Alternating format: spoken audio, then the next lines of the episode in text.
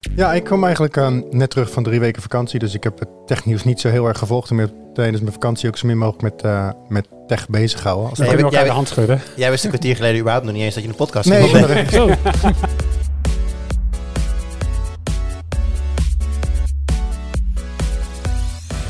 Hoi, leuk dat je luistert en welkom bij de Tweakers podcast aflevering 229. Mijn naam is Arnoud en ik zit vandaag aan tafel met Jurian Ubachs. Hey, hallo. Erik van Ballengooien. Goeiedag. En Donovan Kersenberg. Hey. En uh, nou ja, Erik zit met allerlei onderwerpen aan tafel, maar als Donovan aan tafel zit, dan ging het afgelopen keren tot nu toe altijd over telefoontjes. Dat en, klopt. En, en, retro dingen trouwens ook. Gaat het ook vaak over. Gek genoeg als jij erbij Precies. bent. Maar vooral telefoons. Ja. En uh, dat is uh, vandaag ook weer het geval, want deze week was nou, toch wel een aardige telefoonweek, dacht ik. Samsung had uh, deze week zijn Unpacked evenement. Uh, Precies. En uh, dat zijn grote persconferenties. Die persconferenties heten trouwens sinds 2010 al Unpacked. Ik heb dat even nagezocht. En nou, quizvraagje hoor. Weet je wat de eerste telefoon was die, die met Unpacked werd aangekondigd? Nee, helaas niet. Kijk even rond. Erik, die, die was er zeker bij, denk ik. Maar, ja, 2010 was dat de, de Galaxy S2? Je, je zou het haast denken dat het een Galaxy S was, hè? maar nee, dat was het niet. Het was de Samsung Wave. Oh. Met Bada. Dat was nog wat voor die tijd. Nee, dat was nog voor de Galaxies. Oh, ja. Bada, oh ja. Ik ben nog zo blij dat je het niet aan mij vroeg. Ja, ja ik, denk, dat, ik denk niet dat jij dat hebt meegekregen. Ik ben er ook niet bij geweest trouwens, ja. dat weet ik wel. Dat okay. heb ik niet gedaan. Ik, uh, ik ja. was er ook niet bij. Ik heb wel uh, het uh, eerste Bada-toestel ooit mogen testen. Ah, dat was hem. Dat was hem. En dat was die dus. Dat was die, dat was de Wave. Ja, ja. Ik, ik was er niet zo van onder de indruk. Nee, dat, ik, ik ook niet. Ik weet nog wat, dat, die, ze hadden toen de naam Unpacked gegeven en ze hadden dat ook echt helemaal doorgevoerd met een doos die open ging en zo tijdens die persconferentie. Anyway, ze vonden dat toen nog een heel bijzondere naam. Tegenwoordig denk ik niet dat dat nog gebeurt, maar daar hebben ze vouwbare telefoons laten zien, oortjes, horloge. Anyway, genoeg om het over te hebben allemaal. Um, maar eerst natuurlijk de highlights en dan begin ik bij Erik. Ja, ik kwam eigenlijk uh, net terug van drie weken vakantie, dus ik heb het technieuws niet zo heel erg gevolgd. En tijdens mijn vakantie ook zo min mogelijk met, uh, met tech bezig houden. Als nee, jij, de hand schudden. Jij wist een kwartier geleden überhaupt nog niet eens dat je een podcast nee, nee, maar als ik zeg dat ik me weinig met tech heb bezig hou, is dat niet helemaal waar. Want zoals kijkers van onze video's wellicht weten, loop ik altijd met minimaal twee horloges, omdat ik het meten van allerlei dingen aan jezelf heel interessant vind. En uh, vlak voor mijn vakantie kregen wij een, uh, een mailtje van een Zwitsers bedrijf, Green Tech heet dat, waar een aantal Nederlanders werken, ook een oud stagiair van Tweakers, vandaar dat ze ons benaderden. En die hebben een nieuwe sensor, althans hij bestaat al een tijdje, alleen voor mij in ieder geval nieuw. Dat is een core temperatuursensor. Dat is dus een sensor die je op je lijf draagt, maar die dan zowel je huidtemperatuur als ook hittetransfer, dus hitteoverdracht vanuit je lichaam meet en dan de hand daarvan de core temperatuur bereik, berekent. Uh, nou, waarom is dat interessant? Uh, als je sport is het zo dat op het moment dat je je harder inspant, gaat in principe je koortemperatuur omhoog en daardoor neem je prestaties af. Uh, en het is goed voor jezelf om te weten hoe dat, hoe dat werkt. Dat heb je tijdens een wedstrijd of als je een hardloopwedstrijd aan het heb je daar niet zoveel aan. Maar tijdens je training om te weten hoe je lichaam, hoe je lichaam werkt, is dat, is dat goede, goede kennis. en vlak voor mijn vakantie hebben ze zo'n ding naar ons opgestuurd. En ik heb daar in de vakantie mee gespeeld tijdens hardlopen en fietsen. En dat is stiekem eigenlijk wel heel erg leuk, want je meet dus wat er in je lichaam gebeurt aan de hand van een sensor die je op je lichaam draagt. Dus in het verleden moest je daarvoor dan een pil inslikken of iets uh, nou ja, in een opening van je lichaam inbrengen. Laten we het daarop, uh, daarop houden. En dit is dus een stuk minder inv invasief dan dat. En het, het lijkt echt te werken. En je ziet dus ook dat op het moment dat je bijvoorbeeld te weinig drinkt tijdens een inspanning. Ik heb veel gefietst in de grote hitte in, uh, in het zuiden van Europa. Ja, dan zie je je koortemperatuur dus echt oplopen van, nou in mijn geval als ik slaap is het 36,4. Uh, maar als ik uh, hard aan het fietsen ben en het wordt warm, dan loopt het op naar bijna 39 graden. Dus dan zit je echt tegen, ja, tegen, eigenlijk tegen koortsachtige temperaturen aan. Dan heb je koorts, toch? Ja, technisch gezien volgens mij wel. Uh, en, dat, en je ziet dus ook wel weer dat als je stopt of je drinkt wat en je, en je, je koelt weer af, dat het dan ook heel snel die koortemperatuur weer omlaag gaat. Mm -hmm. Uh, dus ik ben nog niet helemaal uit wat ik mee kan. Ik ben net terug van vakantie, wat ik al zei. Ik heb een hele hoop data verzameld. En ik ga eens kijken wat, we, wat ik hier aan wijsheid uit kan, zeg maar, uh, als, uh, als, als datafreak. Uh, maar ik vond het in ieder geval erg leuk om te zien dat dat soort apparaatjes zit. Het is niet goedkoop, kost 260 euro zijn sensor, dus het is bepaald nog niet een, een impulsaankoop. Maar dat, dat nu, uh, ja, dat, dat er echt grote stappen worden gemaakt om ook dat soort dingen aan jezelf te kunnen meten. Maar waar, hoe, hoe plak je dit op ergens of zo? Of doe je het om? Of hoe werkt dit? Je, je kan kiezen, want je kan hem dus 24-7 dragen. Hij, hij- hij heeft een accuwerktijd van ruim een week als je dat doet. En dan zitten Mhm. er dus ehm, ja, medische patches, noemen ze dat bij medical grade stickers. Eh, dus je kan hem inderdaad op je, op je borstkast plakken. Maar tijdens sport is het, omdat dan, als je zweet werkt dat een stuk minder goed. Eh, tijdens sport kan je hem gewoon aan een borstband, dus van een hartslagband die de meeste sporters toch al dragen, kan je hem gewoon aanklippen. En dan zit hij dus, je moet hem dan naast de elektrodes doen uiteraard die je hartslag Mhm. meten. En, eh, en dat, dat werkt prima. En de grap is dus, zij zeiden ook van dat ze samenwerken met een hoop ehm eh, pro-teams in, het- in het wielrennen. Onder andere op de Tour de France teams. En ik zat Tour de France te kijken. En dan zie je dus ook inderdaad, als je weet waar je op moet letten, dat een hoop Tour de France rijders, als je dan op hun rug kijkt, dat er een klein bobbeltje extra zit eh, op de plek op hun rug, waar dus die koortemperatuursensor aan hun, eh, aan Echt hun, waar? aan hun hartslagband kleeft. Ja. En er was ook één rijder die was gecrashed en dan zag je hem daadwerkelijk zitten, want er was dus opengehaald, zijn shirt lag open. En dan zag je die koortemperatuursensor inderdaad aan zijn, eh, aan zijn eh, hartslagband zitten. Maar wat doen zij ermee? Nou, het is dus met name de trainers schijnen dat dus met name te gebruiken om te kijken hoe, verschillende renners dus eh, eh, reageren op hitte en op, eh, ook op, op, vloeistofinname. Dus het is, tijdens de wedstrijd kan je er echt niet zo gek veel mee, want op het moment dat je koortemperatuur te hoog oploopt, ben je eigenlijk al te laat. Maar het leert je dus wanneer je gas terug moet nemen of extra moet drinken, bijvoorbeeld om jezelf te koelen, of, andere manieren moet zorgen om jezelf te koelen. Ja, en ik denk als je terugkijkt, dan inderdaad zoals een tour, dat je dat zou gaan analyseren. Dat je kan kijken welke renner inderdaad heel lang ja, in het rood zit je dan eigenlijk als je, Ja. je te warm wordt, hoe, hoe lang je dat vol kan houden. En hoe snel je daar dan ook weer van, van herstelt op het moment dat je dan drinkt, eet en ja, op dat moment uitrust. Ja, ik vind uitrust altijd zo'n mooie term als je nog steeds gewoon heel erg ver aan het fietsen bent. maar als die gasten hun benen eventjes iets, iets stiller houden, zijn ze aan het uitrusten. Dus dat, eh, ja, ik Ja, kan me goed voorstellen met- dat dat belangrijk alles, is. alles wat met temperatuur te maken heeft, zie je ook bij, bij het fietsen met name dat dat Ja. steeds belangrijker wordt. Je ziet die gasten ook voordat ze aan, zeker aan een, aan een time trial beginnen, dus aan zo'n, eh, zo'n hoe zeg je, dat, tijdrit. Tijdrit. Ja, Dat ze zo'n zo, zo'n koude vest aan hebben en ook voor langere etappes zie je dat steeds meer. Dus de, de, de, de wetenschap dat je je lichaam zo koel mogelijk moet houden om te zorgen dat, eh, dat, eh, dat het bloed naar je spieren kan gaan.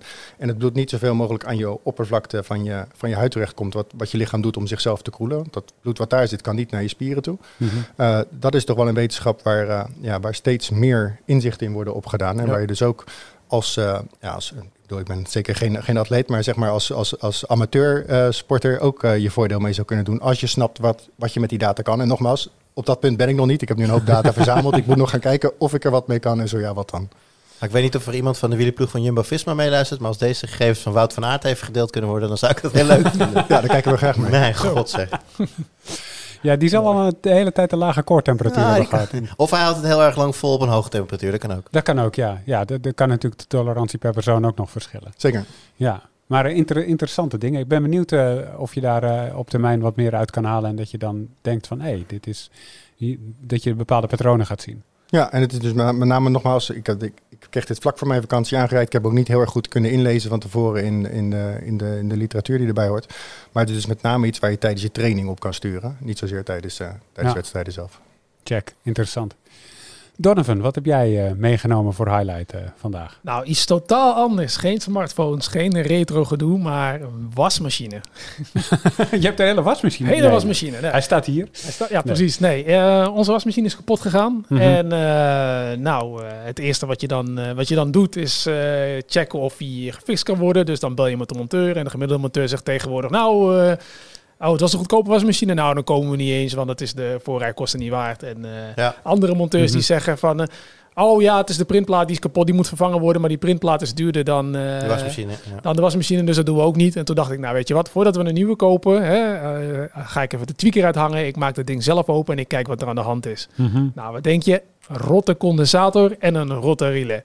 mhm. Dus dan ga je even zoeken online, hoeveel kost zo'n nieuwe condensator? Nou, eh, 13 cent. Oeh, Oké, valt mee dit, ga door. enorme Ja, investering wel, ja. Enorme investering. En, eh, en vervolgens ga je kijken hoeveel kost een relais. Nou, eh, nog geen tientje. Dus ik dacht, nou, eh, weet je wat? Ik ga gewoon eh, zelf. Ik pak de soldeerbout erbij en ik ga gewoon eh, zelf aan de slag. En eh, we zijn er bijna. Dus eh, er zit weer leven in de wasmachine. Er schijnt nog een probleem te zijn met de koolborsteltjes. Dus die eh, ga ik ook vervangen. Die eh, kosten, nou, eh 12 euro. En eh, dan zou die het toch echt weer helemaal moeten doen. Dus ik had zoiets van, eh, jongens, wat is er gebeurd met de monteurs van tegenwoordig? Waar iedereen meteen zegt, nieuwe printplaat. En als we die printplaat niet kunnen krijgen of de printplaat is duur, jammer de bammer, koop maar een nieuwe. Dat, eh, ja, shame, shame. Mensen, pak die Ja, soldeerbout. ik, ik denk dat het gewoon een beetje ook gewenning is. Ik denk dat de wasmachine business of überhaupt witgoed gewoon zo in elkaar zit dat over het algemeen het meeste niet zo heel snel kapot gaat. Weet je wel, vijf tot tien jaar houdt wel vol. En dat het eigenlijk een soort van gebruiksgewoond is geworden om als na tien jaar eh, je apparaatstuk gaat, je denkt, oké, cool blue, let's go, weet je wel. En die nemen Ja. ook nog je oude mee, dus dat is hartstikke makkelijk. Dus ik denk dat dat er een beetje, eh, dat, dat we gewoon in een consumptiemaatschappij leven, waarin dat gewoon de norm geworden is. Dat je inderdaad niet nadenkt of je het inderdaad vrij simpel zou kunnen, zou kunnen fixen. Ja. Ja, en de vraag is ook in hoeverre is de gemiddelde wasmachine-reparateur, is die echt elektrotechnicus? Dus ja, want ik weet niet hoe lang je aan troubleshooter bent geweest. Die uren moet je natuurlijk ook meerekenen. Dat is waar. Ik, eh, snap dat, eh, dat, eh, de voorrijkosten in combinatie met eh, kijken welke condensator er rot is, in combinatie met heb je die condensator toevallig net in je, in Ja. je, in je wagen liggen. Dus ik snap wel dat dat misschien eh, wat, wat moeilijk wordt, maar ik merk wel, want ik heb dit een aantal jaar geleden ook gehad, bijvoorbeeld met de vaatwasser en met de televisie. Dat, eh, dat Ja. mensen best wel snel zeggen van we vervangen gewoon die hele printplaat en dan zit het wel goed. Terwijl het meestal maar Ja. echt maar om één klein dingetje gaat. En dat, Kijk, ik eh, ben niet zo'n soldeerheld als jij, dus ik zou inderdaad al heel snel zo denken, oh, hij is stuk, ik moet een nieuwe. Maar Mhm. ja, het is, wel, het is wel grappig om, eh, het is eye-openend om te horen hoe, hoe relatief simpel en goedkoop je het kan oplossen. Ja, het verbaasde mij. want Tenminste, eh, daar ben je nog niet, Donnie. Nee, ik Ja. ben er nog niet. Straks eh, zul je natuurlijk zien dat de pomp ook stuk is en weet ik veel wat allemaal. Maar eh, uit de tests bleek dat, die allemaal nog, eh, dat het allemaal nog werkt. Maar eh, wat me vooral dan een beetje eh, ja, opvalt, is dat ze dus... eh, ja, dat je, dat je, ik bedoel, ik, ik herken dat nu hè, als, als retro-verzamelaar. merk ik natuurlijk dat al mijn oude monitoren, CRT-schermen en consoles ermee kappen. 9 van de 10 keer is het ook een rotte condensator, is ook centenwerk. Dus dat, dat, dat recappen en zo, ja, dat is, eh, ja, dat is eigenlijk een hobby die erbij komt. Een hobby waar ik niet op zit te wachten, eh, overigens. Ik wil liever, liever dat alles gewoon werkt, maar... ik merk wel dat ik spijt heb gehad van, eh, van de dingen die ik heb vervangen, waar, eh, waarvan achteraf waarschijnlijk ook gewoon één simpel condensatortje kapot was. Dus eh, Maar de vraag is, je zegt nu er is één condensator kapot. Hoeveel zit er erin en hoeveel points of failure zijn er dan die er binnenkort nog aan gaan komen? Nou, dat viel me dus ook alles mee. Want ondanks alle enge berichten die je altijd leest op de labels op de, op de wasmachine en in de boekjes van niet openmaken, alleen een gediplomeerde eh, monteur mag erbij, want de kans op eh, dood en verderf en zo. En dan maak je hem open en dan denk je, oh, is dit het? en dan, eh, nou, het ging in totaal Ja, om... daarom mag je niet openmaken, want dan denken veel te veel mensen, oh, is dit? Dan hebben al die andere gasten geen werk meer. Ja, dat, ja wat, dat is het dus waarschijnlijk. Ja, want eh, dan, eh, ja, in, in dit geval ging het om, nou, in totaal op, de, op, de, op, op het moederbord vier condensatoren. Zoals te overzien. Ja, vier condensatoren, vijf relays, of relays, relays, relay. Dus, eh, dus ja, dat, dat viel alles mee. En dan heb je natuurlijk nog wel je, je control pad waar, eh, hè, waar je dus aangeeft eh, welk programma wat doet en zo. Ja. Nou, daar zitten er ook nog een paar op. Maar van wat ik heb gelezen, ik heb natuurlijk ook een beetje ingelezen, want wasmachines heb ik eigenlijk totaal geen verstand van. Dus het feit dat ik zei, ik ga wel even kijken of ik kan maken, hadden net zo goed famous last words kunnen zijn. Maar eh, ja, dat, eh, ja, daaraan, daar, dat, is, dat is zo simpel en zo, eh, zo old school dat dat ook nog wel makkelijk en goedkoop te fixen zou zijn als daar iets stuk zou gaan. Maar aan de andere kant, als, als jij een reparateur zou zijn en je zou dit doen, dan zijn je voorrijkosten zijn 50, 60, 70 euro, iets in die orde van grootte. Eh, dan heb je nog manuren inderdaad, wat jij zei. Nou Ja, de, de rekener is twee voordat je alles getroubleshoot hebt en zo. Eh, dat moet ook allemaal betaald worden. En hoeveel is dan een nieuwe wasmachine nog meer ten opzichte van die reparatie? Want dat is natuurlijk de crux. Ja, dat is waar. Niet iedereen kan solderen. Ehm, als je dit laat doen, hoeveel ben je dan minder kwijt dan bij een nieuwe wasmachine? Ja, als je het laat doen, dan eh, wordt het inderdaad wel, eh, wel tricky. Zeker omdat de gemiddelde goedkope wasmachine inderdaad ook ja, eh, 200 euro voor 200 euro heb je er alleen. Dus ik kan me voorstellen dat mensen dat niet gaan doen als ze, als ze die skills niet hebben. Maar eh, nou, in mijn geval was, duurde de troubleshooter niet zo heel lang. Omdat ik eh, toen ik eh, het moederbord in mijn handen had, was meteen duidelijk welke condensator de rot was. Want dat is de gebruikelijke bol staan met troep die eruit komt. Ah, Ja, dat was wel vrij dus dat, duidelijk. ja, Ik heb het Maar- trouwens ook geprobeerd, want mijn wasmachine ging, denk twee, tweeënhalf jaar geleden ging hij stuk. En hij was zes, zeven jaar oud. Ik dacht, zo oud is dat helemaal niet. Ik vond het eigenlijk nog best wel nieuw. Ik wil het wel proberen te redden. Want ik had hetzelfde als jij. Ik belde een monteur op en die zei... zes, zeven jaar oud, daar kom ik echt niet meer voor langs. Want eh, je bent waarschijnlijk meer kwijt dan aan een nieuwe wasmachine. Trouwens, ik heb nog een mooi nieuw model voor je. Ja, ja. Ah, ja, precies. Ehm, maar eh, ik heb het dus eh, zelf opengemaakt en geprobeerd. Ik kon niet vinden wat het probleem was, dus ik heb hem uiteindelijk wel vervangen. En eh, nou ja, hij heeft nog gekeken toen hij langskwam. Althans, degene die hem ophaalde was iemand anders, want ik vertrouwde die monteur toen ik neer. Ehm, en eh, die, die heeft inderdaad geconcludeerd dat de reparatie daarvan 350 tot 400 euro zou kosten. Oh, Ik weet niet meer wat het was, iets met de trommel. En eh, ja, dan, dan, dan ben je al kansloos, want dan zit je echt in eh nieuw wasmachine territorium. Maar inderdaad, Precies. het is al vrij snel dat je hoort van vervangen maar. Maar dat heb je bij alle soort elektronica eigenlijk wel. Het is, eh, ik bedoel, als, als er hier zakelijk een laptop, als er iets gebeurt, eh, dan, eh, eh, eh, en, en hij doet het niet meer. En het maakt niet uit wat het is of hoe goed je het getroubleshoot hebt. Eh, ze zeggen gewoon van ja, we gooien er een hele nieuwe, nieuw PCB in. Ook al is het maar één klein onderdeel van het PCB, zou dat hartstikke makkelijk gefixt kunnen worden. Het wordt toch helemaal vervangen. Ja, Ja, dat- ook dat doet wel me- zonde. precies. Dat doet me wel meteen weer denken aan Rossman. Hè? Die eh, zegt dat ook eh, vaak. Louis Rossman, de, de Mhm. Apple-reparateur, die eh, eh, ruzie heeft met Apple. Want Apple vindt het helemaal niet leuk wat Louis doet. Want Apple zegt inderdaad van, ah, nieuwe laptop, nieuwe iPhone, is allemaal wel goed. En hij zegt, nee, het is dit Elcootje. en die, is, eh, die kost eh 8 cent. Dus als je die er even installeert, dan is hij weer als een nieuw. Shame on you, Apple. Ja. Dus ja, ja, ik snap dat ze daar niet blij mee zijn, want het is niet hoe zij redeneren inderdaad. Nee, nee, nee, precies. Ja. En eh, wat smartphones betreft, want ik heb ook natuurlijk een tijdje gehad dat ik smartphones repareerde en zo. eh, in eerste instantie voor mezelf om het te leren. Later eh, werd dat een soort van uit de hand gelopen hobby. En in het begin was dat leuk en wel dikke pret. Mhm. Maar tegenwoordig zijn die dingen zo dicht gelijmd en alles, eh, dat het gewoon echt een hel is om open te krijgen. Ja. En als je hem dan eigenlijk gefixt hebt, dan is het een nog grotere hel om hem dicht te krijgen. En hem dan tegelijkertijd ook weer waterdicht te laten zijn. Ja. Dus ik snap wel dat mensen op dat gebied steeds sneller zeggen van, eh, ja, koop maar een nieuwe. ja, zeker aangezien eh, sommige telefoons 150, 200 euro zijn, die je laatst hebt gereviewd. Ja, en dan is Precies. reparatie is het ook al heel snel niet meer waard inderdaad. Ja. Jur, Klopt. wat heb jij eh, meegenomen? Nou, ik eh, had eh, enkele, weken- enkele weken geleden had ik vakantie. Superleuk. En ik heb niet allemaal dat soort technische dingen gedaan zoals Erik heeft gedaan. Maar, Wat was je core temperatuur tijdens vakantie? Heel hoog. maar dat had meer met de temperatuur te maken. Nee, maar vlak voor mijn vakantie, daar wil ik even heen. Ehm, op 14 juli heb ik een presentatie gezien van FIFA 23. En het weekend daarop, technisch gezien was dat al vakantie, maar oké, heb ik het hele weekend FIFA 23 ook kunnen spelen. Mhm. Als mensen deze podcast luisteren op de dag dat wij hem publiceren, namelijk op donderdag deze week, dan eh, moet je nog even wachten. Maar vanmiddag om 5 uur komt mijn preview online. En nu denken jullie, zo, dat is een lang embargo. Mhm. Maar als je FIFA 23 leuk vindt en je volgt het nieuws een beetje, dan heb je ook al heel veel andere dingen gezien van FIFA de afgelopen weken. Want en hoe komt het nou? EA heeft een embargo opgesteld dat bestaat uit punt A, B, C, D, E, F, G, H en I.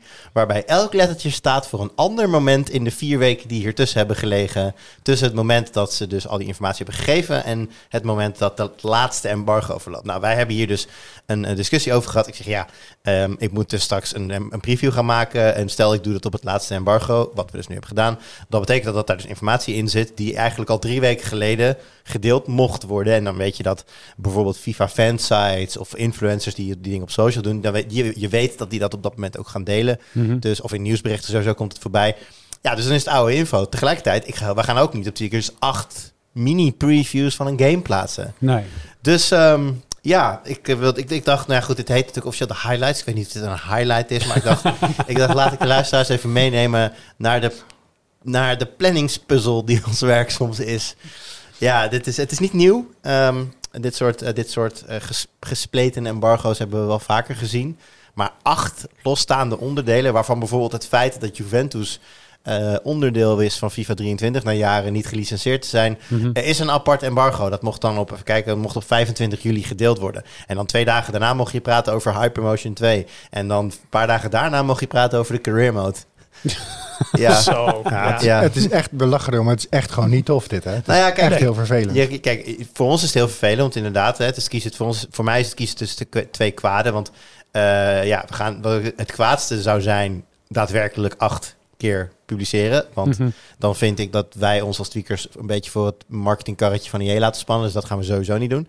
Ja, en de, het andere kwade is wachten tot het laatste embargo en dan inderdaad accepteren dat een heel deel van de informatie in de preview ja, voor een deel toch ook een beetje gedateerd is. Dus dat, eh, dat is sowieso jammer. Nou, ga, ik, heb ik, ga je er natuurlijk wel over nadenken van, nou ja, waarom doet, doet EA dit? Ja, waarom? Vertel.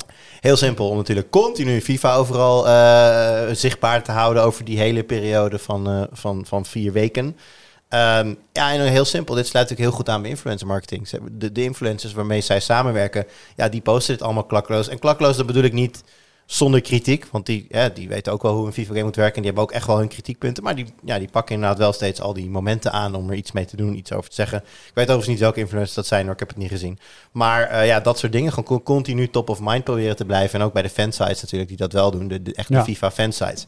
Ja, die, die smullen daarvan. Ik kan me goed voorstellen als FIFA jouw favoriete game is. En je leest inderdaad die fansites. En elke twee, drie dagen heb je weer wat aan wat nieuwe dingen. Ja, dan is dat wel lekker.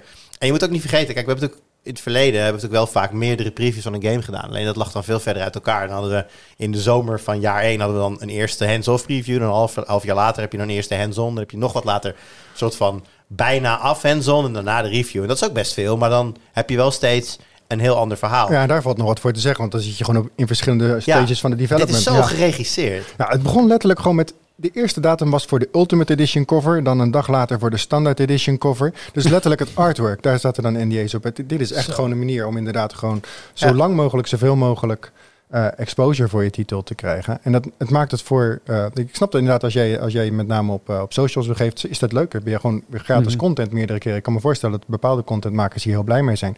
Maar als je gewoon, zoals wij dat graag willen, gewoon in één keer een goed, goed verhaal richting onze lezers willen geven over wat een nieuw product is, wat je er kan verwachten, is dit echt super vervelend natuurlijk. Ja.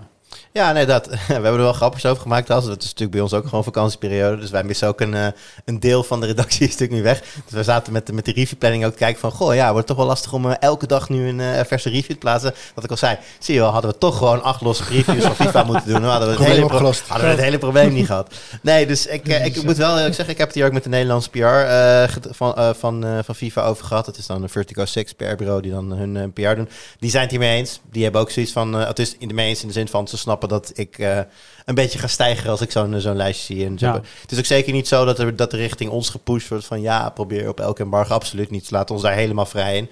Maar ja, het is gewoon niet een ideale situatie waar je moet werken. En eh, nou ja, wat ik zeg, wij hebben er dus voor gekozen om alle informatie eh, te bundelen. En dat allemaal dan vanmiddag om vijf uur, op don- als je dit op donderdag luistert in ieder geval, Mhm. te, te publiceren. Ja, en, dat, en daar zit dan ook nog eens een extra nadeel aan. Want het was ongelooflijk veel informatie. Mhm. Weet je, het zijn allerlei. Hè, per onderdeel hebben ze een hele pitch notes eh, eh, document gestuurd met allemaal filmpjes. Supergoed, heel vet. Hè, per, per nieuw deel een soort van klein clipje erbij ook van hoe dat dan werkt en hoe dat dan gemaakt is. Heel interessant. Maar alles bij elkaar, meer dan 100 pagina's aan informatie en tig clipjes en weet ik veel wat. Ja, onze previews zijn lang, maar vergelijk, zeker vergeleken met de gemiddelde gamesite maken wij lange artikelen. Maar zoveel ruimte heb ik nou ook weer niet. Ja. Dus, er zit, dus er zit van alles ook in, in de informatie dat er uiteindelijk niet de preview en zeker niet de video preview heeft gehaald. Dus ja, het is, het is, het is op meerdere manieren gewoon verre van ideaal voor ons om op deze manier eh, eh, met informatie om te, om te moeten gaan. ja. Erik, eh, want jij Ja. doet de review planning. Gebeurt dit heel vaak? Nou, het, ik, dit zo erg als nu. Bij, bij Jur, dat was wel iets waarvan we stonden van... oké, dit is wel Dit is wel redelijk echt een record. Ja. Maar het, het- je ziet het wel meer, dat er inderdaad eh, van, die, van die staged eh, NDA's... En NDA's zijn natuurlijk iets van, dat, dat is al langere tijd. Ja, hè? Dat wij een product krijgen of informatie over een product... en dat er wordt gezegd van je mag pas op die datum daarover publiceren. Nou ja, prima. En soms mag je dan ook niet alles publiceren. Wellicht omdat het product nog onder, die, eh, onder ontwikkeling is en het nog niet Ja. zeker is. Nou ja, Ja. allemaal prima. Maar dit is dus inderdaad een product wat af is... waarbij ze gewoon ja, bijna om de dag dus eigenlijk gewoon een nieuw publicatiemoment willen.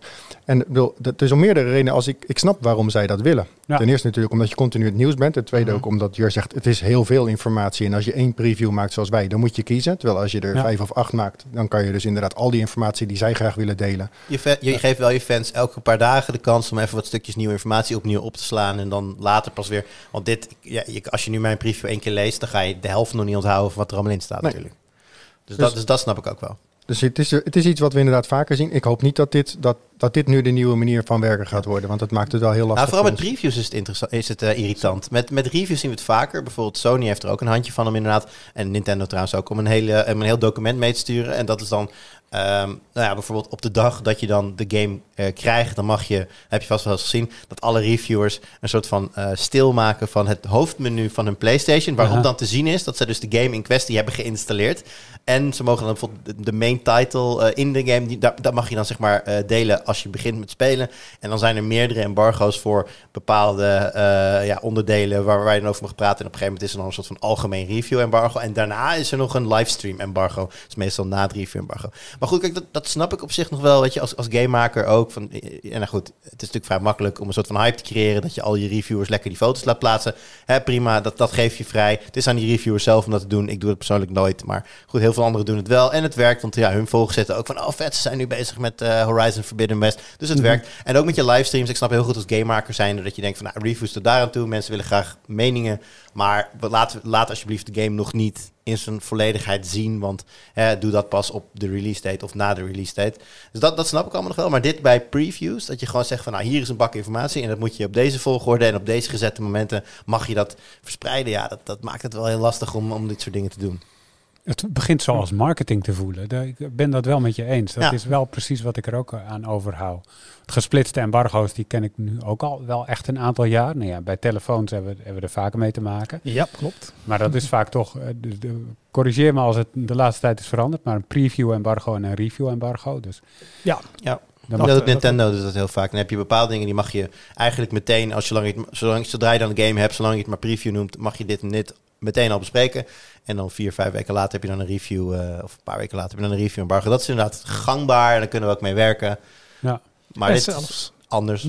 Ja, en zelfs bij een preview embargo heb je nog wel eens, wat ik al een paar keer heb meegemaakt, is dat ze zeggen van, eh, ja, het is leuk dat je de telefoon nu in je hand hebt, maar je mag er nog geen foto's meer maken. Ja. En de foto's die je maakt met die telefoon mag je nog niet laten zien, want de Ja. software daarvan is nog niet helemaal af. Dus ja. Maar dat zijn valide worden. punten. Dat zijn valide punten. Kijk, het vervelende hierbij was ook als ze nou zeiden van je- bijvoorbeeld die covers waar we het net over hadden, die mogen eerder en pas later mag je inhoudelijk wat. Nou, hadden we waarschijnlijk gezegd prima. Maar het was nu ook dat bepaalde functionaliteit die echt nieuw was in de game, dat ze die Ja. dan dus eerder brachten dan dat je de, een- je overal ja, een soort preview Ja. mocht brengen. Dus het is ook gewoon echt, eh, echt het opknippen van, van informatie die je wel gewoon in een preview, in, één- in één preview zou willen Ja. opnemen. Ja. Nou, we hebben, ik kan me tot nu toe één keer zo- sowieso herinneren in recente tijden dat ik een, eh, een game überhaupt, of een review überhaupt geweigerd heb op basis van eh, eh, de, ja, de, de, de, de mits en maren die eraan werden gekoppeld. ging dan om een game waarbij heel, heel specifiek per eh, zone, ik zal het spel niet noemen, vind ik niet zo netjes, maar per zone in dat spel werd, werd uit, aangegeven van eh, dit mag je niet in beeld brengen en dat en deze namen mag je niet noemen. En, zo. en toen heb ik ook gemeld, zeg ja jongens, weet je, wij maken, wij maken videobeelden of screen- screenshots en ik, en ik heb echt geen zin om van elke seconde, elk frame, elke screenshot te gaan checken of ik niet heel toevallig iets in beeld heb gebracht wat volgens jullie eh, NDA dan niet mag.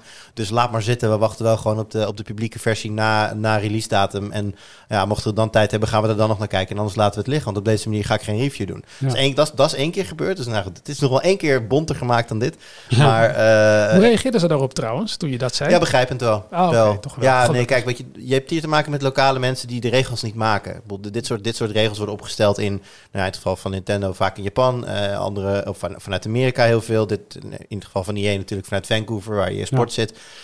Dat wordt allemaal opgesteld en dan hier in Nederland, dat zijn de boodschappers. Dus ja, als ik tegen, tegen hen zeg van jongens, wij kunnen hier niet mee werken om deze, deze, deze reden, dan zeggen zij oké, nou jammer, prima, op naar de volgende. Zo simpel is het. Ja. Ja. Kijk, het is uiteindelijk, het is eigenlijk niet omdat ik, dat zeg ik niet omdat ik een hekel heb aan Nintendo of zo. Ik kijk gewoon van, nou ja, wat willen wij maken? Wat wil ik onze lezers vertellen en op welke manier? Ja, en als ik het gevoel heb dat ik heel erg bij het handje word gehouden van, je mag dit wel en dit niet, dus, ja, dan vind ik niet dat ik nog een hele eerlijke preview of review kan laten zien. Nou, dan maak ik dan de keuze om het niet te doen. Ja. Mhm. Ja, dat is, eh, nou ja, ik, hoop dat, eh, dat het hier een beetje stopt en dat het niet meer heftiger wordt en dat je hier volgend jaar zit en, en dan Ja. moet vertellen van, en deze keer hadden we 15 embargo momenten. Nou, dan is het in ieder geval niet meer van FIFA. Hele Dit- dit, dit, is wel, dit is wel de laatste FIFA. Ja, dat is waar. Waar ik het tot slot over wil hebben is eh, een, opmerkelijk een bericht van de afgelopen week. Namelijk dat Nokia OnePlus en Oppo uit de Duitse markt heeft geduwd. Ehm, zo mag je dat wel zeggen. En dan klinkt alsof Nokia gewoon veel betere telefoons heeft gemaakt. Maar dat is helemaal niet waar, want Nokia maakt al jaren geen telefoons meer. Ehm, het gaat om een patentrechtszaak. Vier zelfs, die, eh, die eh, Nokia had aangespannen tegen Oppo en daarmee ook tegen OnePlus. Want dat is toch wel min of meer één tegenwoordig. Ehm, eh, in, in twee Duitse steden en in München hadden ze daar klinkende overwinningen.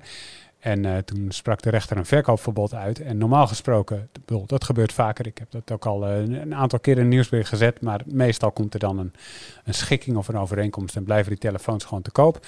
En nu zei Oppo, nee, ja, nee, we halen gewoon die telefoons eh, van de markt. En OnePlus ook. Dus je kunt nu in Duitsland die telefoons van die merken niet meer kopen.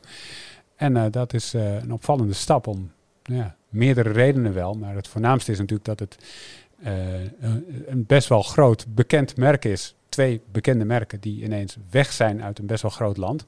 We hadden in Nederland Asus en Wico die verdwenen naar aanleiding van patentrechtszaken van Philips. maar dat waren eigenlijk de enige voorbeelden die ik kon bedenken waarbij een merk echt verdween uit een land vanwege een patentrechtszaak. En nu dus dit. En daarmee is het nog niet per se afgelopen, want Nokia heeft meerdere zaken lopen in in totaal tien landen, waaronder Nederland. Uh, dus ja, het wordt, nog, uh, het, het, wordt nog spannend. Geen idee wanneer die zaak dient, maar ik vond dit wel. Ik, weet niet, ik, ik, vond het heel. Ik werd er een beetje ongemakkelijk van. Had jij dat ook, Erik? Nou, ik, ik, dit is dus een van de dingen die ik, die ik heb gemist tijdens mijn vakantie. maar wat ik me met name afvraag is: uh, het feit dat die dingen nu dus in, in Duitsland uit de markt zijn gehaald, is dat feitelijk een, uh, een, dat, uh, dat Oppo slash OnePlus toegeven dat ze dit inderdaad, dat ze hier fout zitten? Of weet jij, zijn ze bezig met nee. verweer? Nee, het, het, het punt is, natuurlijk zeggen ze dat zij, dat zij niet fout zitten. Nokia wilde 2,50 euro per telefoon krijgen. Oppo ging daar niet mee akkoord. Het zijn standaard essentiële patenten, dus het zijn patenten van Nokia die je nodig hebt op het moment dat je een telefoon maakt met 4G of 5G. Dan heb je altijd die technologie uit die patenten nodig. Um, en dus moet Nokia onder eerlijke en, uh, uh, en, en redelijke voorwaarden uh, die patent en licentie aanbieden. Um, uh, maar nou ja, als je het er niet over eens bent wat eerlijk en redelijk is, dan ga je naar de rechter toe. En de rechter ging in dit geval dus mee met Nokia en zei van ja, wat Nokia vraagt, dat is eigenlijk best wel heel redelijk. Moet je gewoon doen. Weet je wat andere fabrikanten aan Nokia betaalt? Betaalt de Samsung ook 2,50 euro per Ik heb telefoon? geen idee. Dat zijn allemaal geheime overeenkomsten. Uh, en meestal zijn er van die grote licentieovereenkomsten. Want Nokia heeft wel bepaalde patenten, maar Samsung heeft die ook en Oppo heeft die ook. En iedereen heeft eigenlijk wel patenten. Wordt een beetje tegen elkaar uitgeruild. Precies, en er wordt heel veel uitgeruild. En misschien gaan er dan nog ergens een paar cent heen en weer. Of nou ja, als je honderden miljoenen telefoons verkoopt, dan is het wel echt wel meer dan een paar cent. Maar het is natuurlijk wel echt een koehandel in dat geval. En dan gaan die advocaten bij elkaar zitten en die komen er wel uit. En we horen het alleen als ze er niet uitkomen.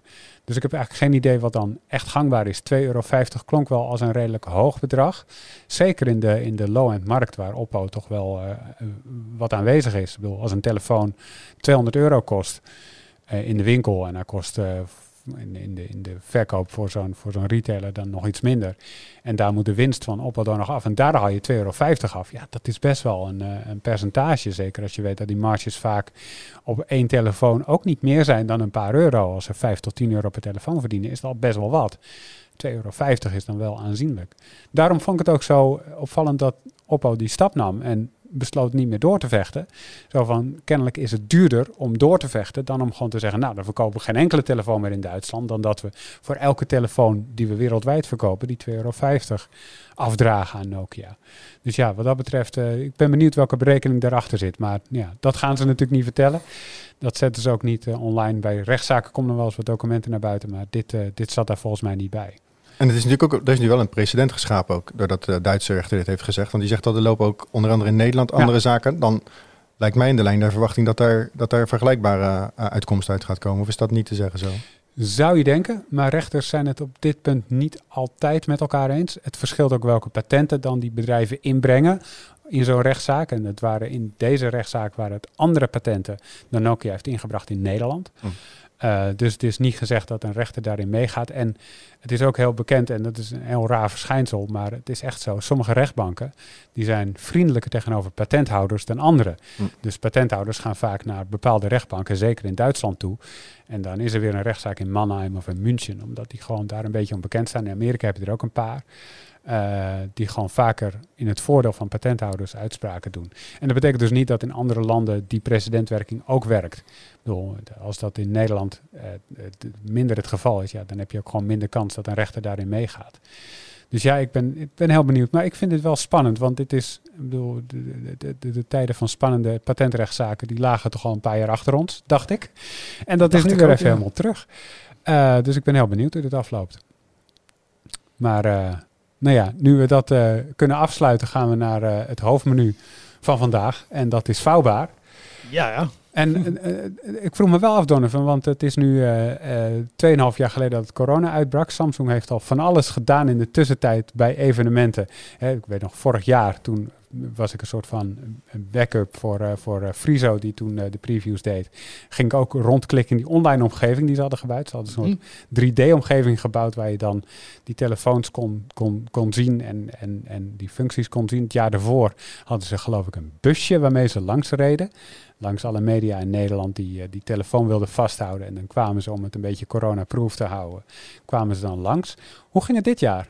Nou, dit jaar ging het uh, eigenlijk weer als uh, vanouds, bijna als vanouds. Dus um, ze hadden weer uh, ze hadden twee mooie locaties ingericht die vol stonden met telefoons en een mooie kamer waar je een presentatie kon bekijken met filmpjes en twee flitsende hippe presentatoren die elkaar al grappend afwisselden. Nog en, ja, precies. En was het, was het echt leuk of was het een beetje awkward? Um, een beetje van beide. Hmm. Het, het, het, was bij, de, bij de foldable telefoons stonden andere presentatoren dan bij de, dan bij de, de horloges. Mm -hmm. Dus, uh, en die van die horloges die deden het wel soort van, daar zat soort wel een vloeiende dynamiek in. En bij die andere was het een beetje, een beetje houterig dat, je, dat je echt merkte van, oh, wat gebeurt daar nu? Ja. Bijna een soort van... toneelstukjes. Ja, echt een toneelstukje. Ja, ja precies. Och. Dus, uh, nou goed, uh, ja, en vervolgens hadden ze gewoon een soort van, van rondleiding door het gebouw. En kwam je dan uit in een kamer waar al die telefoons stonden opgesteld. En dan kon je daar gewoon rustig ermee spelen. En dan kwamen er allemaal Samsung uh, poppetjes naar je toe. En zeggen, en wat vind je hiervan? En wat vind je daarvan? En kijk, kijk eens naar dit. En vind je.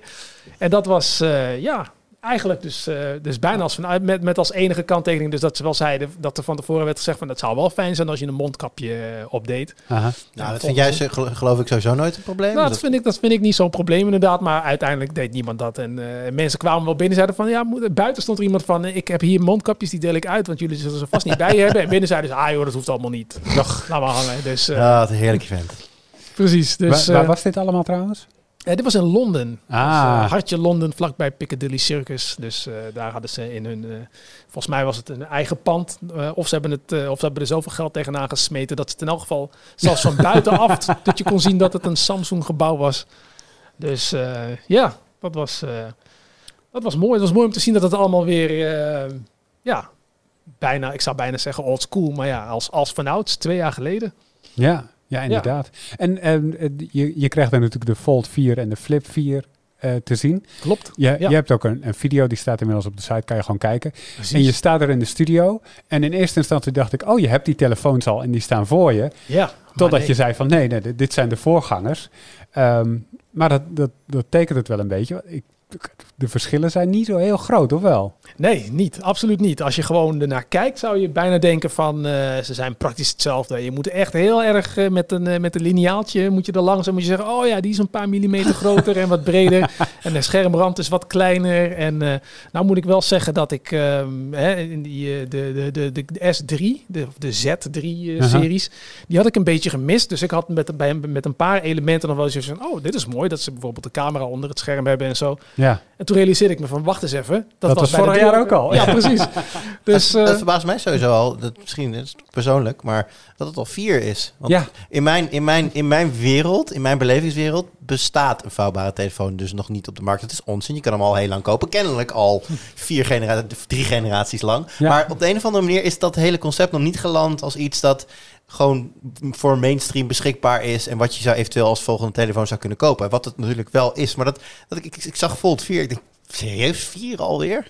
Nou ja, bij ja. de Flip hebben ze, wel, uh, hebben ze wel een beetje gesmokkeld, hè? want ze hadden de Flip 1, toen de Flip 5G en toen de Flip 3 om het gelijk te trekken qua, qua ja. naam met de Volt.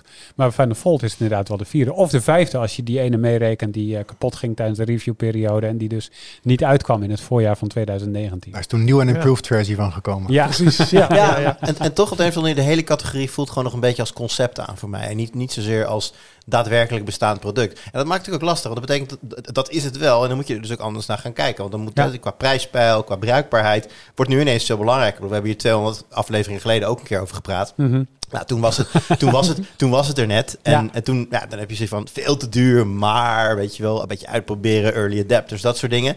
Ja, het zou nu eigenlijk gewoon mainstream moeten zijn, maar toch op de een of andere manier is het bij mij nog niet uit het conceptphone hoekje vertrokken. Nou, dat, en, dat, en dat snap ik wel. Dat kan ik me wel voorstellen. Want inderdaad, als je gewoon om je heen kijkt, hoeveel mensen zie je met zo'n ding? Als je naar een winkel gaat, hoe, hoe, hoe vaak zie je hem liggen? Ja, erger nog, als ik, als ik iemand in het wild zie met zo'n dingen, dan denk ik, oh, daar heb je zo'n aansteller die 2000 euro voor de nieuwste telefoon heeft uitgezocht. Nou, dat is volgens mij ook een beetje de, een van de grote redenen waarom er je nog zo weinig ziet. Omdat ze Ja. blijven gewoon Ja. super duur, die kringen. Ja. ik ja. trouwens nu heel veel tweakers voor een schenen waarschijnlijk, sorry daarvoor. En je zegt 2000 euro, terwijl heel veel tweakers, en dat zie ik in die forum topics, die eh, hebben dan cashback acties en andere kortingen. Ja, En die hebben ze dan gestapeld en dan hebben ze zo'n ding te pakken voor 700 euro of zo. Dus dan, dan valt het relatief al wat meer mee. Maar voelde het nog als een concepttelefoon eigenlijk? Nee, nee. En dat, eh, dat, dat viel me dus wel, eh, wel alles mee. Het voelt nu wel echt alsof het een beetje uitgekristalliseerd is en een beetje volwassen aan het worden is, die vouwbare smartphones. En dat is waarschijnlijk ook waarom de verschillen tussen de 3 en 4 zo, eh, zo klein zijn. En dat, eh, ja, het, het zijn nu, ik merk vooral dat, dat, dat de vernieuwing nu vooral zit in van, het zijn extra features en, de, en Ja. natuurlijk hè, een betere, betere camera en een snellere processor en eh, een beetje wat je met de normale smartphones ook hebt. En, en in de video stipte je dat terecht aan. Er zit nu, eh, de software is zo veranderd dat er nu een, soort van desktop dock taakbalk Ja. onderin bij de Fold zit. Klopt. Hoe, Ja. hoe, ik ben er heel benieuwd naar. Hoe werkt dat? Eh, Want dan ja. wordt het wel echt een tablet, of niet? Ja, ja, eigenlijk wel. Ja. Als je hem dus openklapt en, en die, die taakbalk die staat dan eigenlijk altijd wel in beeld. En ehm, ja, die, eh, en daar staan natuurlijk gewoon je icoontjes op. En het is dan wel zo eh, dat alle icoontjes die op de taakbalk staat apps zijn die eigenlijk al openstaan. Dus als je Ah. dan drukt, drukt op een app, dan heb je hem meteen. Je hoeft niet eens die halve seconde of kwart seconde te wachten die je normaal moet wachten als je wisselt van apps op een, op een andere manier. En, eh, en natuurlijk de, de mogelijkheid om meerdere apps naast elkaar tegelijk eh, open te zetten, zoals op een desktop. Niet helemaal zoals bij, eh, bij Windows of Linux of Mac. Want het wordt wel, je, je krijgt wel een soort van splitsing. ehm, waar, waar al die apps echt tegen elkaar aanstaan. Maar dan nog is het wel meer een desktop ervaring dan, ja, dan, dan je gewend bent van, een, van de telefoon. Dus het deed me ergens een beetje denken aan, aan een soort Dex Lite.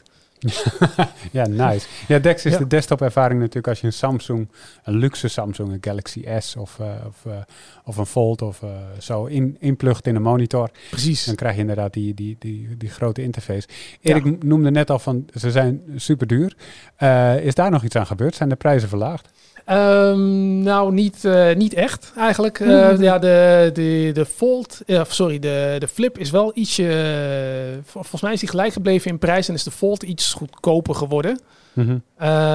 Of nee, ik zeg het verkeerd. De, de Fold was juist iets duurder geworden. En de Flip is, Hetzelfde gebleven. is hetzelfde gebleven inderdaad. Ja, dus, eh, dus wat dat betreft is daar niet zo heel veel aan, veranderd. Maar eh, volgens mij eh, werd eh, tussen neus en lippen door een beetje dat gegooid op van ja, inflatie en zo. Want anders dan was dat wel, was dat wel het geval geweest. Maar volgens mij, dat is niet officieel gezegd. Dus Oeh. Nee, maar het- ik ben het wel met Erik eens. Ik bedoel, die hoge prijs, de, de, Flip is volgens mij meer dan, iets meer dan 1000 euro. Die Fold is 1700. in Nee, de- valt wel de mee. Als je, nu de, als je nu het 512 gigabyte model zou willen hebben, die staat nu in de price van vanaf 13,59. Ja, dat is de Fold 3. Ah, is dat maar ik drie, bedoel- Oh, de, vi- oh, de 4 voor nieuw. Ja, Ja. voor nieuw. Ja, en ik dacht als je hem nu wil kopen, want de 4, die 4 kan je nu niet kopen, toch? Nee, klopt. Nee, Ja, de- volgens persprijs is de vanaf prijs 17,99. Ah, ja, oké. 1799. en ja. vanaf vandaag te pre-orderen. Ja. Ah, kijk. ja. Maar, eh, lekker stukje marketing dan. Ja, precies. maar met zulke prijzen blijft het nog wel even een, een niche, lijkt me. Dat wordt, niet, eh, dat wordt niet de telefoon voor iedereen. Nee, dat denk ik ook niet aan de ene kant. Aan de andere kant denk ik wel van, als je bijvoorbeeld kijkt naar eh, al die mensen die bijvoorbeeld wel een Samsung Galaxy S22 Ultra kopen bijvoorbeeld. Die is ook eh 1000 eh, plus euro, volgens mij Ja. 1200. Dus ja, iPhone Pro's zijn ook rond die prijs natuurlijk. ja precies. Dus, eh, dus wat dat betreft komen ze wel dichter bij elkaar. Maar ik, eh, ja, ik moet zeggen dat ik zelf niet zo iemand ben die, die 1000 euro of meer neerlegt voor een... eh, voor een high-end smartphone. Dus dat. eh, Nou, je, ja. hebt net, je hebt net een peperdure reparatie op je wasmachine uitgespaard. dat kan het toch wel even... het zou zomaar kunnen, ja, precies. Maar als, als, het prijs is geen issue, hè? Je, mag- je mag gewoon de, de telefoon kiezen op dit moment die je wil hebben. Zou je dan zo'n foldable kiezen of ben je dan liever gewoon een, een, een platte traditionele telefoon? Ik denk dat ik zelf nog voor een platte traditionele telefoon zou gaan. Maar ik merk wel dat als ik veel, eh, ik ben eh, als forens, hè, veel in de trein zitten, dan merk ik wel elke keer als ik met zo'n eh, foldable toestel speel, en dan vooral dus die fold, dat ik wel zoiets heb van, die klap je open en dan heb je wel een wat groter scherm waarop je, je je media kan consumeren. En dat is wel fijn. Maar ja, om het nou alleen daarvoor te doen, dat vind ik het Ja, oké, goed. Als je zegt als geld geen issue is. ja, ja, nou, het misschien- punt blijft natuurlijk wel, en dat is de reden waarom ik het ver. Ik zou het namelijk niet willen hebben. Ik zou het gewoon niet willen hebben, zoals ze zouden zo goedkoop zijn. Want ik vind die dingen dicht gewoon te dik. Ik, Ah, vind het gewoon, ik heb heel vaak mijn telefoon in mijn, in mijn broekzak. En eh, nou ja, ik bedoel, ik heb deze uiteraard nog niet in handen gehad. Maar als die een beetje zo is zoals de vorige Ja, qua, qua dikte en modellen. Ja. Ja. dat, is gewoon, dat wil je gewoon niet in je broekzak hebben. Ja. Hij is eh, 17 mm, zeg ik uit mijn hoofd, op zijn dikste punt. Ja, dat is gewoon twee stevige telefoons op elkaar. Dat is eigenlijk wat je dan in je broekzak hebt zitten. Ja. Dat is waar. Ik moet zeggen, ik heb, eh, ik heb ooit jarenlang met een, eh, met een Nokia 190 communicator in mijn zak gelopen. volgens mij, volgens mij is Ja, maar die, toen eh, wisten we nog niet beter. Nee, precies. dus, die, is- die is, eh, qua dikte is die volgens mij zelfs nog ietsje dikker. Dus ik denk dat dat, dat voor mij niet zozeer een reden zou zijn. Maar dat heeft natuurlijk ook een beetje te maken met het soort broeken dat ik draag. Hm. Yo. Waar ik er nog wel benieuwd naar ben, want je noemt net eh, de, duurste, de duurste Galaxy die je dan naast een dure iPhone legt. We hebben het over de Fold en de Flip. Wat heb je verder eigenlijk momenteel op de markt, behalve deze Samsung dingen? Eh, ja, Xiaomi heeft er, eh, heeft er eentje, maar die is volgens mij eh, niet te krijgen nog hier in het Westen. Nee. En eh, je hebt dan eh, Motorola, die heeft eh, de Razer-telefoons. Die hebben natuurlijk heel erg eh, de, de vorm hebben van die oude Razers die toen heel populair waren. En ehm, ja, dat was het dan wel een beetje. Ja, je hebt dan nog eh, Vivo had er één, geloof ik. Ja, de- de- een, eh, Oppo heeft er een, maar ook alleen oh in ja, China. Oppo, ja. ja. Magic heeft er een, maar ook alleen in China. Hoor je een beetje de... de, de, de Ik geloof in China vinden ze dit leuk, hè? Dit? In China Ja, vinden ze het superleuk. Ja. Nou, voor mij heeft dat een andere reden. Ehm, want eh, nou, niet alleen die telefoons zijn duur, maar die schermen zijn ook allemaal van plastic. Gaat nog Ja. een stuk. En, eh, en in Europa zijn de garantieregels best wel een beetje streng. Dus op het moment dat je zo'n scherm wil vervangen, dan kan je tegen consumenten zeggen: ja, nu moet je eigenlijk 1000 euro weer lappen voor een nieuw scherm. Want dat is ongeveer wat het ons kost. Ja. Maar dat kan je eigenlijk niet maken hier. Dus ook in support is dat best wel duur. En je moet zo'n support ook best wel goed opzetten. Ik kan me nog herinneren, er- er was dan in Amerika, maar eh, van die Razer van, eh, van eh, Motorola. Er was een YouTuber, Mr. Mobile, en die liet hem vallen. En dat was stuk. Niet eens op het punt van het vouwbare scherm, maar gewoon aan de voorkant. Of aan de achterkant bij de camera's of zo, was het glas eraf. En geen telefoonwinkel die hem kon repareren. En Motorola had er niks voor. Kortom, hij kon er niet zoveel mee. Hij was stuk en niemand kon hem repareren. Dat was eigenlijk het verhaal. Of dat was ontzettend lastig om te doen. En ja, dat, dat is best wel een ding. Je moet wel die, eh, die, eh, die support in orde hebben, zodat je aan iedereen zo'n ding kan verkopen. En Samsung die kan dat wel leiden en die rolt het dan wereldwijd uit. En die, heeft daar ook, die kan die investeringen wel doen. Maar kennelijk voor een Xiaomi en een Oppo en, en dat soort bedrijven kan dat nog niet uit om dat helemaal in Europa te gaan aanbieden. En dat, nou ja, kennelijk eh, zit daar iets. Want je hebt gelijk, in, in Nederland is er niks echt te koop. Ja, die oude Razer van twee jaar geleden misschien nog. Maar niks te koop behalve die van Samsung. En dat terwijl foldables er al vier jaar zijn. Dat is best wel gek. Ja.